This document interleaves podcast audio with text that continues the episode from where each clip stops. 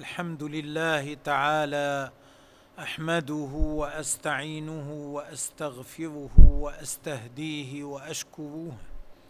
والصلاة والسلام على سيدنا محمد وعلى آله وصحبه الطيبين الطاهرين. كلامنا إن شاء الله يكون على الحديث الرابع عشر من الأربعين النووية. الحديث الرابع عشر. عن ابن مسعود رضي الله عنه أنه قال قال رسول الله صلى الله عليه وسلم لا يحل دم امرئ مسلم لا يحل دم دم امرئ مسلم أي لا يحل إراقة دم امرئ مسلم أي لا يحل قتل مسلم. إيه، نعم. أي أي يشهد أن لا إله إلا الله وأن محمدا رسول الله. نعم.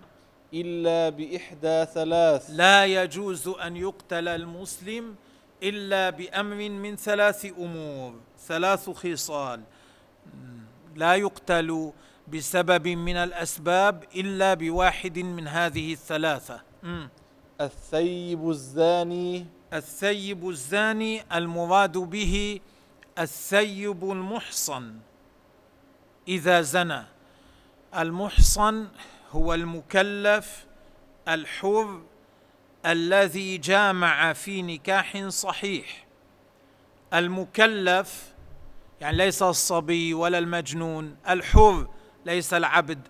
الذي جامع في نكاح صحيح كان تزوج زواجا صحيحا وجامع زوجته في هذا الزواج. إذا زنى بعد ذلك فإن حده أنه يقتل. الثيب الزاني وطريقة قتله الرجم. وهذا الرجم إنما ينفذه به الحاكم. الحاكم يأمر به. ليس أحد المسلمين يقيم عليه الحد. إنما الذي يقيمه الحاكم. وهذا أي الرجم عقوبة للزاني المحصن أجمع عليها العلماء ولم يختلفوا فيها وكان في السابق فيها قرآن يتلى ثم نسخت تلاوة هذا الذي كان يتلى في الزاني الشيخ والشيخة إذا زنيا فارجموهما البتة هذا كان يتلى في القرآن ثم نسخ الله تلاوته وبقي حكمه. ما عاد يتلى على أنه من القرآن لكن بقي حكمه. وقد رجم الرسول عليه الصلاة والسلام ورجم الخلفاء الراشدون بعده ومن بعدهم رجم السلاطين على توالي العصور بلا إنكار من أحد منهم. فانضاف الإجماع العملي إلى الإجماع القولي بشأن الرجم هذا مع النصوص الصريحة الواردة فيه. لذلك قال عمر بن الخطاب رضي الله عنه إياكم أن تهلكوا عن آية الرجم إياكم أن تضلوا عن هذه الآية التي نسخت. أن يقول التي نسخ تلاوتها يعني. أن يقول قائل لا نجد حدين في كتاب الله. إياكم أن يقول قائل نحن نجد حد الزاني الجلد. لا نجد الرجم في القرآن. يقول عمر لأن النبي عليه الصلاة والسلام رجم ونحن رجمنا ولم ينسخ من الآية إلا تلاوتها. وأما حكمها فبقي ثابتا ولولا أن يقول الناس زاد عمر في كتاب الله لكتبتها. يعني لولا أن يظن الناس لولا أن يقول الناس عمر زاد في كتاب الله كنت كتبتها على حاشية المصحف. وهذا الزنا الذي يوجب الحد هو إدخال الحشفة أو قدرها من مقطوعها في الفرج. لا ما دون ذلك. يعني إذا حصل تقبيل حصل مفاخذة حصل ضم لكن لم يحصل دخول الحشفة في الفرج فليس هذا هو الزنا الذي يوجب الحد. لا يوجب ذلك الجلد إذا لم يكن الإنسان محصنا ولا الرجم إذا كان محصنا. وذلك إما أن يقر به الزاني نفسه يقول أنا زنيت فيقام عليه الحد أو يشهد أربعة شهود عدول أنهم رأوا هذا الفعل منه. رأوا رأوا الذكر في الفرج كالميل في المكحله إذا شهدوا بذلك عند ذلك يقام الحد على الزاني. نعم. والنفس بالنفس. أي قاتل النفس يقتل قصاصا إذا لم يعف عنه أهل القتيل. ولا يجوز أن يقتله إلا ولي الدم. لا يجوز أن يقوم غيره بقتله لأن الله تبارك وتعالى قال فقد جعلنا لوليه سلطانا. لا لغيره. معنى ذلك إنسان قتل رجلا وله وأولاده كبار أولاده هم أولياء الدم. لا يجوز لابن عمه أن يقتل القاتل. إنما الذي يقول نريد أن يقتل القاتل أو نعفو عنه هم أولياء الدم. السلطان في هذا جعل لهم لا لغيرهم. نعم. والتارك لدينه المفارق للجماعة. الأمر الثالث الذي يقتل به الإنسان هو إذا ارتد عن الإسلام. الخليفة يقيم عليه الحد فيقتله بالردة سواء كانت ردته وخروجه عن الدين بالكلام أو بالاعتقاد أو بالفعل. وذلك لأن الخروج عن الإسلام أحيانا يكون باعتقاد. مثلا يعتقد الشخص بقلبه أن الله غير قادر أو غير عالم أو أن القرآن باطل أو أن محمدا عليه الصلاة والسلام كاذب نعوذ بالله من ذلك. أو يعتقد بقلبه أن الله يشبه المخلوقين أن الله جسم له طول وعرض وشكل. أو يعتقد أن الله تبارك وتعالى ليس متصفا بصفات ليس حيا ليس قادرا ليس سميعا ليس بصيرا ليس عالما. أو يعتقد أن غير الله يخلق كما أن الله يخلق وأن الإنسان هو يخلق فعله. ليس الله تعالى هو الخالق وأن مشيئة الإنسان تتنفذ غصبا عن مشيئة الله. لو شاء الله خلاف ذلك.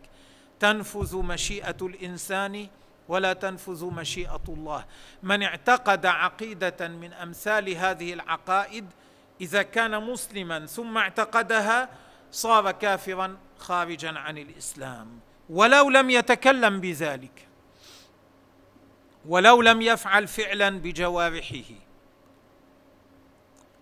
النوع الثاني أن يفعل بالجوارح شيئا يكون كفرا. وذلك كأن يسجد لصنم. الصنم هو ما يعبد من دون الله الصورة التي يعبدها الكفار. إذا سجد لها لو قال أنا في قلبي أعظم الله لا أرى لهذا الصنم منزلة. إذا سجد للصنم أو للشمس أو للقمر أو للنار أو للشيطان فإنه يكفر بذلك. إذا رمى المصحف في الزبالة وهو يعرف أنه المصحف إذا رأى اسم الله تبارك وتعالى فداس عليه عمدا والعياذ بالله تعالى. إذا كان بيده ورقه فيها بسم الله الرحمن الرحيم رماها في الزبالة حتى تت... رماها في الزبالة أو ما شابه ذلك. هذا يكون كفرا بالجوارح. النوع الثالث كفر باللسان. وهو كأن يسب الله أو الإسلام أو الكعبة أو أو يسب نبيا من الأنبياء أو يستخف به أو يستخف بدين الإسلام أو يستخف بالجنة أو يستخف بالصلاة أو يستخف بالصيام أو يستخف بالحج يستهزئ بهذا كله وما شابه ذلك. كل نوع من هذه الأنواع يكفي وحده ليخرج الإنسان من الإسلام. ولا يشترط أن ينضم إليه نوع آخر. فإذا وقع الإنسان في أي نوع من هذه الأنواع فأخذ إلى الحاكم أخذ إلى القاضي إلى الخليفة فاعترف أنه حصل منه يقول له ارجع إلى الإسلام. إن رجع إلى الإسلام أعفاه من القتل إن لم يرجع إلى الإسلام قتله سواء كان ذكرا أو أنثى. وكذلك إذا شهد عليه اثنان عدلان أنه تكلم بكلمة كذا من الكفر مثلا أو فعل فعل كذا من الكفر فإن الحاكم يطالبه بالرجوع إلى الإسلام. إذا رجع فذاك الأمر. إن لم يرجع فإن الحاكم يقتله عند ذلك. وكما قلنا هذا في الرجل والمرأة لكن في بعض المذاهب يكون هذا الحكم في الرجل فقط لا في المرأة. يعني في بعض المذاهب المرأة إذا ارتدت لا تقتل لكن تحبس ويضيق عليها حتى ترجع إلى الإسلام. أما في مذاهب أخرى كمذهب الإمام الشافعي رضي الله عنه فإن الرجل والمرأة كليهما إذا حصل من أي منهما كفر بعد أن كان مسلما يؤمر بالرجوع إلى الإسلام. إن رجع فذاك الأمر وإلا قتل قتله الخليفة حفظا لنظام الدين حفظا لنظام الأمة. يقتل بالردة. ويفهم وقد يفهم إنسان من الحديث المتقدم أنه لا يوجد شيء آخر غير الذي تقدم يقتل به المسلم وليس كذلك. بل يوجد بعض الأمور التي تلحق بهذه الأمور الثلاثة دلت عليها الآيات والأحاديث. مثلا الذي يترك الصلاة المفروضة يقول له الخليفة صلي على ترتيب معين على هيئة معينة ذكرها الفقهاء. بعد وقت معين إذا لم يصلي يقتله الخليفة بتركه للصلاة. هذا مذهب الشافعي وهذا أيضا فيه خلاف بين الأئمة. الشافعي رضي الله عنه يقول يقتل بترك الصلاة. الإمام أبو حنيفة يقول لا يقتل يحبس وينخس ينخس حتى يقوم فيصلي. والخلاف بين هؤلاء الأئمة في بعض الأمور رحمة بالأمة. الله تعالى يرضى عنهم ويجزيهم عن الإسلام والمسلمين خيرا. والمعنى في قتل المرتد أن في تركه على الردة مع إصراره عليها خللا لنظام عقد الإسلام فوجب قتله حفظا للأحكام. والآن في أيامنا بعض الناس يعيب على شرع الإسلام هذا الحكم الذي لا ينفذه أحد الأفراد إنما ينفذه الخليفة يكون هذا بأمر الخليفة قتل المرتد.